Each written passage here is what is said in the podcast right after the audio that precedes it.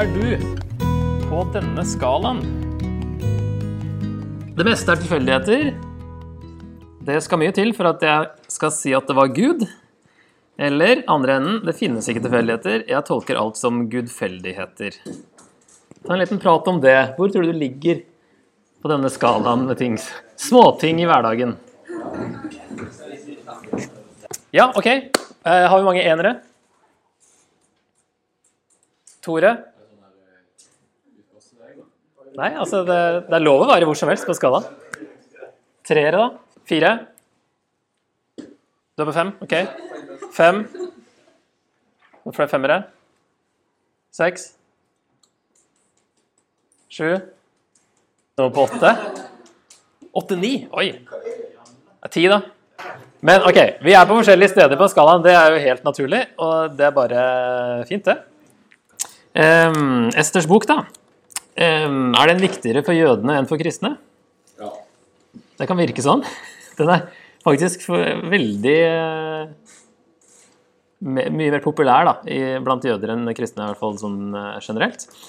Handler om livet i Persia etter uh, tilbakevendingen. Og forteller om opphavet til høytiden Purim. Og det er jo derfor den er så populær, for den høytiden er veldig populær.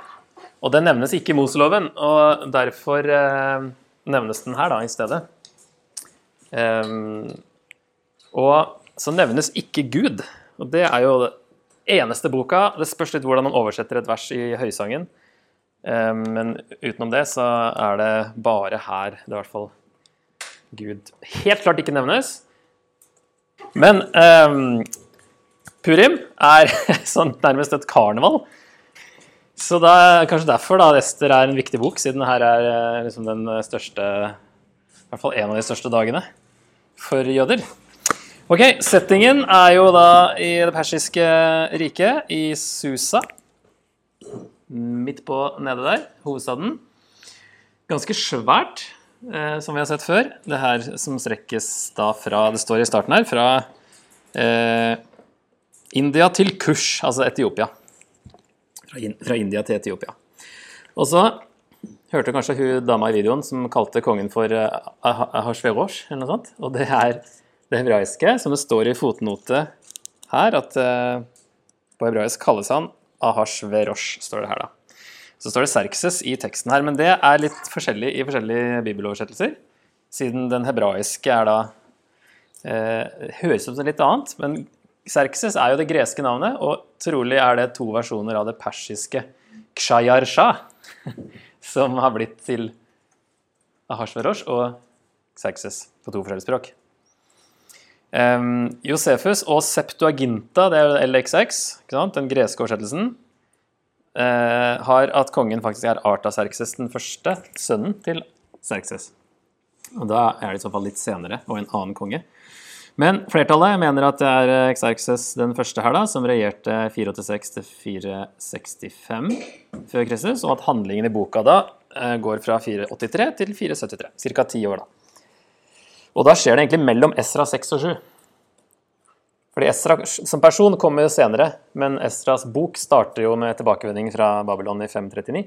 Så kommer ikke Esra før i 458. Eh, så har det her skjedd rett før det, da. Så midt inne i Esras bok så skjer dette her meanwhile i, i Persia. Um, og hvis vi prøver å datere boka, så er jo det på ca. samme tidspunkt. Um, det finnes noen persiske lånord, f.eks. ordet pur, da, som uh, er opphavet til purim. Um, og så virker det som det er etter Serkses sin regjeringstid, ettersom det snakkes om i fortid. Og så er det en miks av eh, tall og navn på måneder. At det er en sånn gradvis overgang til å bruke eh, Gå fra tall til navn. Sånn at eh, det virker som den prosessen er Han er midt i prosessen, da, han som skriver her. Og da er det vanlig å datere det på slutten av eh, 400-tallet før Kristus. Kanskje under Arta Serkses. Den første, da. Neste kongen. Og så passe på at det her ikke ble glemt, det som hadde skjedd under forrige kongen så eh, ble det skrevet ned, og eh, skrevet ned på en underholdende måte. Så det er en litt annerledes bok som vi straks skal se på.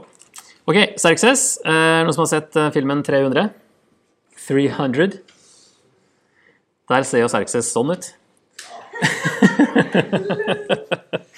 Så han eh, Den greske historikeren Herodot sier at eh, han var ond og despotisk, altså tyrannisk, da, mot sitt eget hus, for ikke å nevne mot utlendinger. Um, og den her 180 dagers festen som han holder i starten her, et halvt år med fest, det eh, i 483, da, hans tredje regjeringsår, kan ha vært det store krigsrådet for planleggingen av invaderingen av Hellas. Han var der, deretter ute i krigen i 481 til 479. Den krigen som han tapte, som bl.a. Eh, vises i den filmen 300. Um, så det kan passe. Det høres ut som det bare er en fest for en fests skyld, men det kan være at det tok et halvt år å planlegge den store invaderingen, og at det var, eh, ble sett på som en lang fest, kanskje. Um, denne krigen tappet også store deler av skattkammeret, så når han, Haman kommer med et tilbud om 10 000 talenter Det ville komme godt med da, når han trengte det til skattkammeret sitt, og for øvrig en enorm sum. Man har anslått at det er kanskje over halvparten av all skatt man kunne kreve inn fra hele Perserriket på et år. Så om det er en overdrevet sum, eller om uh, Haman uh, Altså om det er en del av stilen som forfatteren skriver i, uh, kan vi se litt på. Det er en del overdrivelser. Men det kan være at Haman tenker at han skal få masse penger ut av denne utryddelsen av jødene da, som han planlegger, eller noe sånt. Men i fall, det kan være en overdrevet sum som bare passer inn i sjangeren. Og da han kom hjem igjen fra denne krigen, så søkte han trøst hos haremet sitt, ifølge han historikeren her, Herodot. Og dette er også året Ester blir dronning, så det passer jo ganske greit inn da, at han har vært borte noen år og kommer tilbake igjen. Og så, ifølge andre historikere, så eh, dreide resten av regjeringstida hans seg mye om haremintriger og arrogante hoffmenn og evnukker. Og det bekreftes og parodieres her da i Ester. Yes. Um, det var litt om Serkses. Um, ja, jeg har glemt å nevne Jeg har jo et ekstremt sånn, feminint tema på den greiene her i dag. For jeg tenkte jeg har liksom, Den her har jeg aldri brukt, tenkte jeg. Når skal jeg bruke den? Jo, den passer jo på Esters bok. Så her har vi sånne bilder som jeg vanligvis ikke ville ha brukt, da. Så Hva sier du? Drar den langt, ja? Ja, jeg syns det er litt, litt, sånn ukomfortabelt, men uh, passer bra. Temaer i uh, boka uh, Store reverseringer er jo et eh, tema. Ting snus på hodet, sånn overraskende. Eh, Saul, som, altså han Mordekai, er jo en etterkommer av Kish. Og Kish var faren til Saul, kong Saul. Og han er av Benjamins stamme, så han eh, Eller han er sønn av en annen Kish, da, for så vidt. Men, eh, eller etterkommer av en, en Kish som lever litt bare i sannsynligvis han som ble tatt i eksil. Det kan høres ut som det er Mordekai som ble tatt i eksil, men da hadde han vært ekstremt gammel nå, da. Så det er nok eh, denne Kish eh, litt tilbake noen generasjoner, som da også er av Benjamin, og som heter det samme som eh, faren til kong Saul. Og så har vi da han herre Haman, som er en agagitt. Og um, Agag var jo han kongen av amalekittene som Saul holdt i live i 1. Samuel 15. Um, og som Samuel kommer og, og henretter da, til slutt. Uh, så det er en link her til 1. Samuel 15, og så linker den videre tilbake til 2. Mosebok 17, der amalekittene uh, angriper israelittene på vei ut av Egypt. Så det her er sånn, kanskje noe sånt som ligger i bakgrunnen, sånn lang, langt fiendskap mellom uh, ja, vi kan egentlig si mellom Guds folk og fiendene deres, men her spesielt mellom israelittene og amalekittene. Og så handler det litt også om hvordan leve som Guds folk i en sekulær verden. Her er det farlig tydeligvis å være jøde. De vil jo helst ikke si det i starten. Mot slutten så har det skjedd noe. Da er det flere som, eh, som vil si det. For da har det kommet en redsel over alle andre. En respekt da, for jødene. Og er det kanskje derfor Gud ikke nevnes? Er det et virkemiddel at Gud ikke nevnes? For det handler om å leve i en verden uten Gud, på en måte. Og hvordan eh, gjør vi det? Så den er ganske relevant sånn sett, da, den boka. Um, hensikt av boka, har dere tenkt på noe hensikt? Hvorfor er denne boka skrevet? Hvorfor er den uh, med i Bibelen? Jeg har uh, bare skrevet raskt ned tre stykker her. Sørg for at de ikke glemte denne historien, derfor også Purim. Altså at de skal feire Purim for å huske på dette. Og det forklares jo i boka her. Uh, gi håp om at Gud ikke forlater sitt folk, og inspirere til å leve som Guds folk i fremmede land. Kanskje. Litt forskjellig nivå på de tre der. Ok. Først og fremst Purim, tenker jeg, som er eh, liksom opphavet og den historien. Altså skrive ned historien som er opphavet til Purim. Um,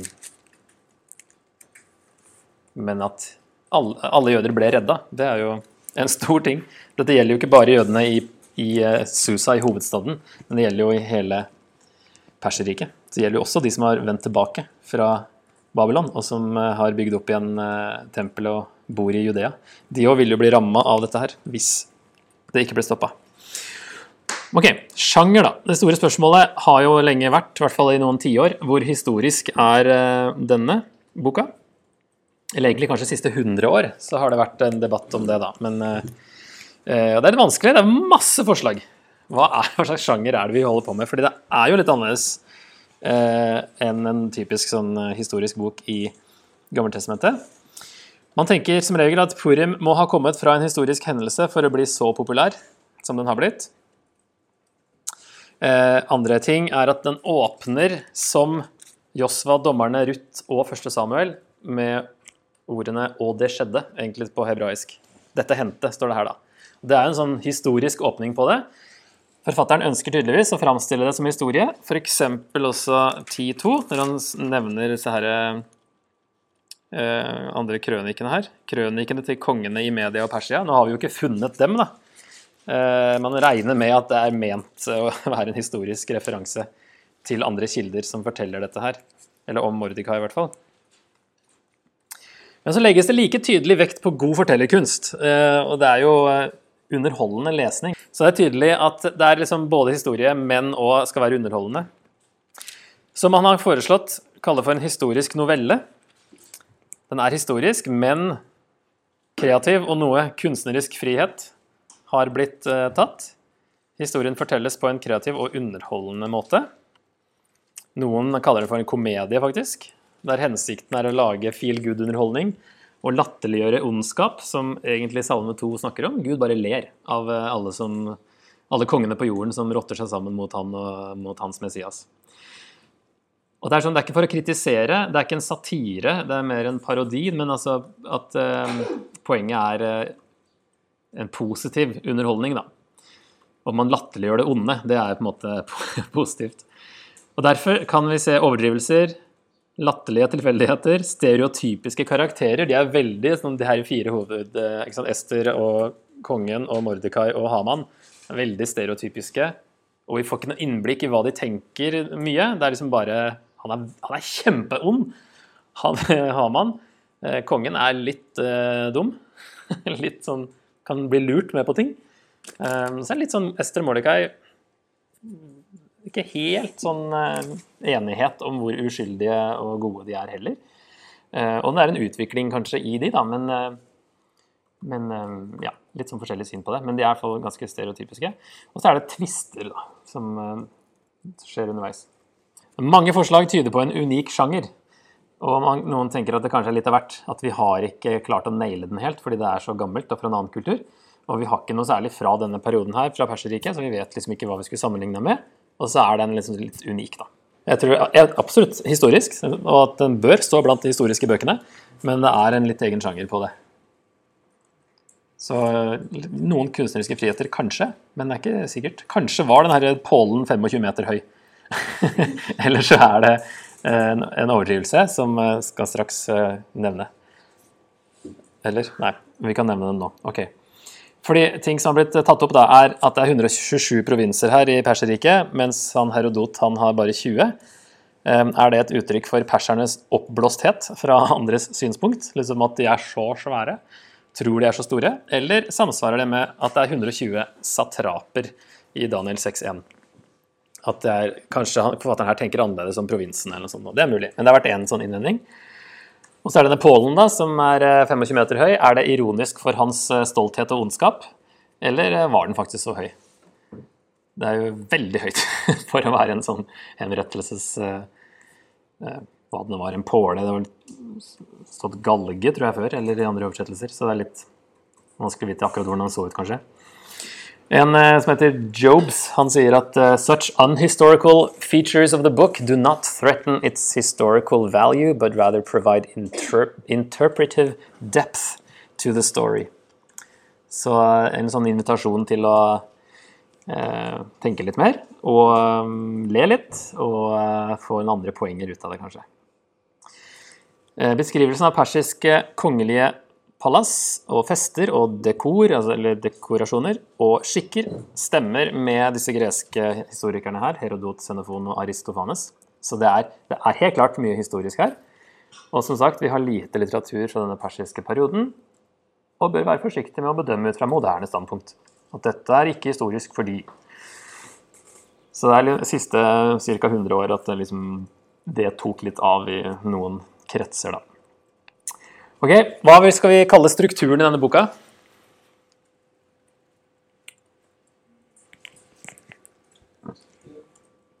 Kiasme. Yes. Det er et sånn fremmedord for noen, kanskje. Men uh, det handler om at um, masse paralleller på hver side som leder inn mot et sentrum.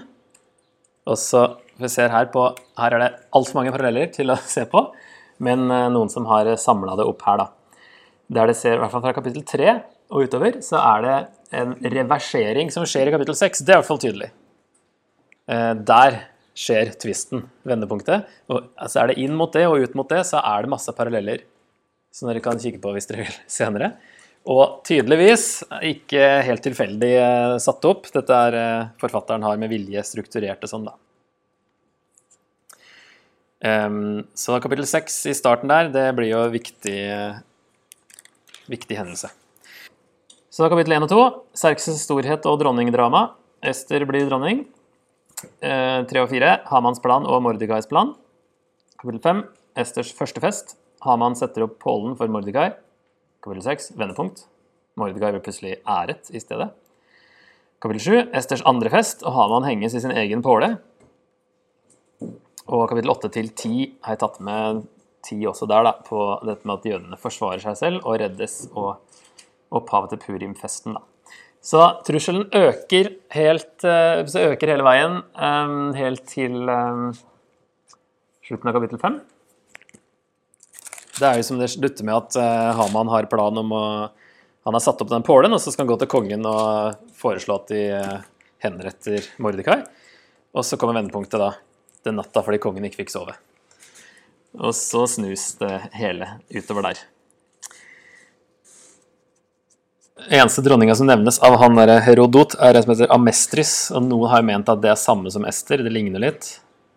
Eh, men ikke så veldig, kanskje. Den heter jo egentlig Hadassa, som det står på gresk. Nei, hebraisk, mener jeg. Altså Ester er et persisk navn. Eh, Amestris kanskje et gresk navn, ja. Så det kan være noe sånt at det blir litt annerledes.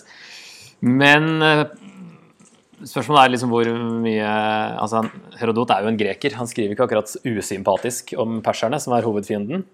Og Amestris var visst med eh, Serkses til eh, i den krigen mot eh, grekerne. Men hvis dronning ikke er så veldig sånn man lurer på det, da, om dronning kanskje er, liksom er favorittkona for øyeblikket, så er det litt enklere. Han hadde jo et stort harem. og Barnebarnet hans, han den andre, var det vel, han hadde 350 koner eller noe sånt, eller medhustruer. Ganske svære harem. Sånn at uh, Ja, kanskje han da liksom Nå er du dronning. Ikke sant? At det var litt mer løst, kanskje, da. Tenker noen. Men det er ikke det har ikke vært lett å Man har ikke identifisert Ester i eh, andre kilder. Og ikke Mordecai heller, men det er en eh, høytstående person i Perserriket på den tida som het Marduka. Det er samme konsonanter, men eh, han var en sånn regnskapsfører eller et eller annet. Eh, så man, jeg tror ikke de fleste mener at det er Mordecai, men eh, det er noen sånne muligheter man vinker, da.